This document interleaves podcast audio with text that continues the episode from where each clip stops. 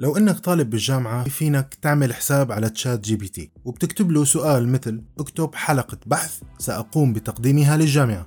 عن التغذية وعلم الأعصاب. أنا طالب سنة ثانية وأدرس بكالوريوس في التغذية. أكتب حلقة البحث بطريقة تجعلني أحصل على 80% من الدرجة الكلية. وبعدها بتضغط enter وبتنطر 40 ثانية تقريبا لحتى ينكتب قدام عيونك. حلقة بحث بترتيب أفكار وتنوع من الصعب إنك أنت بمرحلتك هي سنة تاني جامعة تحيط فيها بعد قراءتك لمقال علمي أو مقالين.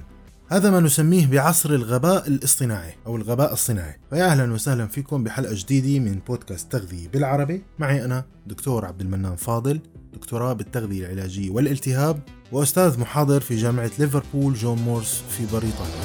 يا هلا.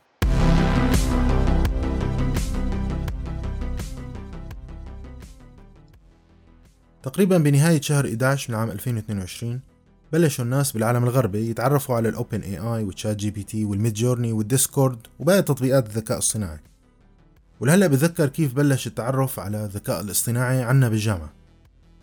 بلشت القصة بشهر 12 قبل عطلة الكريسماس بشوي لما دق على باب مكتبي زميلي البروفيسور إيان. وإيان هو بروفيسور بالتغذية العلاجية وأمراض القلب. وبالمناسبة البروفيسور إيان رح يبلش يعمل معنا تدريبات بعيادات التغذية البريطانية قريبا جدا إن شاء الله ولكن هالتدريبات كلها رح تكون بالإنجليزي ف stay tuned. المهم بيجي إيان على مكتبي وبدق الباب وبيقول لي تعال تفرج شو لقيت. فبروح أنا على مكتبه بلاقيه فاتح الشاشة تبعته ولكن الشاشة كلها لونها أسود وفي كم كلمة هيك ما دققت فيهم. فبكتب جملة معناها اكتب مقال من أربع مقاطع عن التغذية وأمراض القلب مع المصادر العلمية والمراجع. وبيكبس انتر.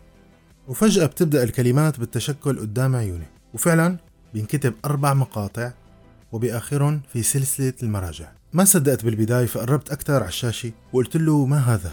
فقال لي هذا الذكاء الاصطناعي. بيستخدم ملايين المصادر بثواني ليكتب هالكم جملة. وعلميا علميا كلامه للذكاء الصناعي صحيح والمراجع كمان صحيحة. فقلت له طيب جرب شيء تاني مثلا اطلب منه يكتب حمية غذائية مناسبة فيها أكل خليجي وفيها مندي وحمص ومشاوي. وهالحمية فيها تفاصيل التحضير يعني كيف نحضر الأكل وكم كالوري فيها وكم جرام بروتين فيها. وفعلا ChatGPT عملها بثواني. بهاللحظات هاي بلشت الجامعة اللي أنا بشتغل فيها جامعة ليفربول جون مورس تتحرك بسرعة لفهم فوائد وأضرار ChatGPT وال OpenAI وال artificial intelligence لدرجة إنه عملوا لنا تدريب إجباري عن كيفية استخدام الذكاء الصناعي. وبصراحة في تخوف شديد من استخدام هالبرامج لكتابة ال assignments يلي هي حلقات الأبحاث اللي مطلوبة من الطلاب إنهم يعملوها بالجامعة.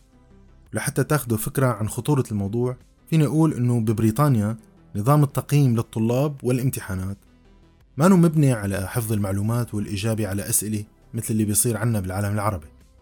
أساسا أساسا ببكالوريوس التغذية بالجامعة اللي أنا بشتغل فيها حاليا وبجامعتي السابقة اللي هي جامعة ليدز اللي ترتيبها بالتغذية أعلى من جامعة أكسفورد وهي الأولى على بريطانيا بالتغذية وتدريسها. ما في عندهم بالمنهاج يعني بالجامعتين إلا فحص واحد. فيه أسئلة وأجوبة والباقي كلياتها كل الامتحانات كل التقييم بيصير عن حلقات البحث وكتابة المقالات أو ال essays. الشيء ممكن يعني يفكروا فيه الناس إنه okay بسيط يعني شو وين المشكلة يستخدموا الذكاء الصناعي. لكن بالنسبة لنا نحن دكاترة الجامعات هذا مصيبة لأنه من خلاله بيقدر الطالب يغش ويستخدم الذكاء الصناعي ويجيب علامة مرتفعة هو أساسا ما دارس ولا متعب حاله وهذا في ظلم ظلم من ناحية للطلاب التانيين وظلم للنظام اللي هو يعني يدرس فيه منظومة الجامعة وظلم للناس اللي ممكن تتعالج عن طريقه وتيجي لعنده لحتى يكتب لهم حمية.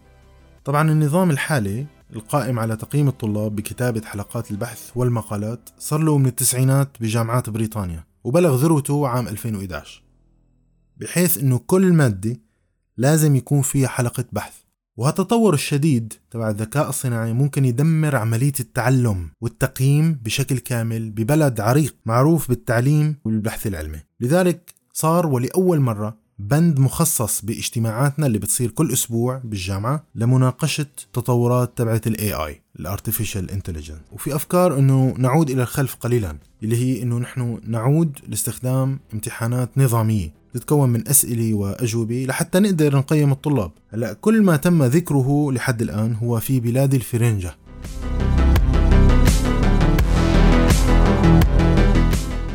لناخذكم هيك بلقطة على عالمنا العربي.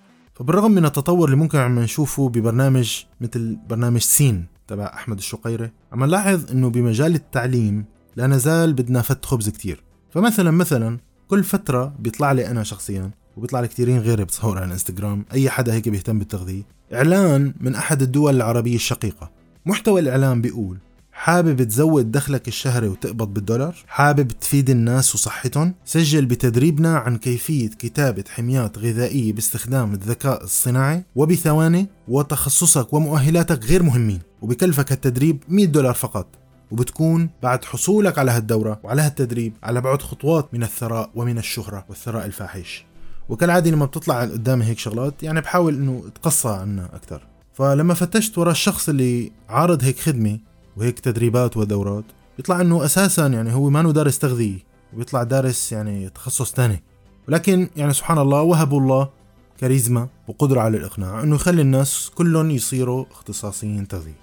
والتصرف هذا بيخلي كتير من الناس ما عادت توثق أصلا باختصاص التغذية. بيعتبر تخصصهم هو نصب واحتيال لأنهم بيقدروا يكتبوا حميات وبسرعة وبدون حتى الحصول على المؤهل العلمي. طالما الكل عم يدعي إنه هو اختصاص التغذية وحاطة هيك مكتوبة على البروفايل.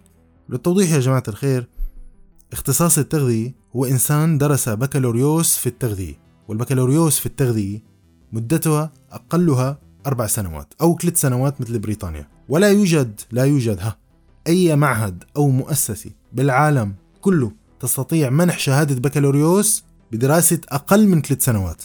ولا يطلق على اختصاص التغذية بأنه اختصاص التغذية إلا إذا هو درس بكالوريوس بالتغذية. يعني ما بصير إنه واحد والله دارس صيدلي طب أسنان وبعدين عمل ماجستير تغذية سنة أو سنتين ويقدر هو يصير اختصاص التغذية. الموضوع معقد جدا لأنه هو اختصاص التغذية هو في عنا بيكون نحن نقابة بكل بلد عايشين فيه وهي النقابة هي اللي بتنظم حركتنا وشغلنا وشكاوى الناس إذا حدا بده يشتكي علينا أساسا. فمثلا بتلاقي حدا دارس علم نفس وبيشتغل بالتغذية العلاجية أو حدا دارس شيء تاني يعني. ما بعرف إذا حتى إذا هو دراسي يكون يعني ست شهور هون ببريطانيا مثلا. وعم ينصح الناس بالتغذية؟ لا وحتى ممكن ينصحهم يوقفوا العلاج الطبي. وهدول ترى الناس يعني منتشرين بكل مكان. أنا شفت منهم بتركيا ببريطانيا بفرنسا ألمانيا. الحمد لله يعني ما بنقطع منهم. لذلك يعني أنا إنه من منبري هذا اللي بيستمع ممكن يعني عدد قليل من الناس. ولكن يعني نرجو إنه يكون في له تأثير. وناشد يعني الناس إنهم ما يخجلوا ويطلبوا من الاختصاصي إنه يحط على حسابه الشهادات وين درس؟ لأنه المفروض إذا كان الواحد دارس بجامعة إنه يفتخر ويرفع رأسه يعني ما ما إنه يخبيها وعلى الطرف الآخر بنصح كل اختصاصيين التغذية كمان إنهم يقولوا وين دارسين بأي جامعة وكم سنة الاختصاص تبعهم ويحطوا هالشيء على وسائل التواصل الاجتماعي. ولحتى تكون مبادرة طيبة وفعالة رح أقترح فكرة قابلة للتطبيق ويعني بتكون جماعية. والفكرة هي إنه نجمع كل اختصاصيين التغذية اللي عم يسمعوا هالبودكاست بمكان واحد.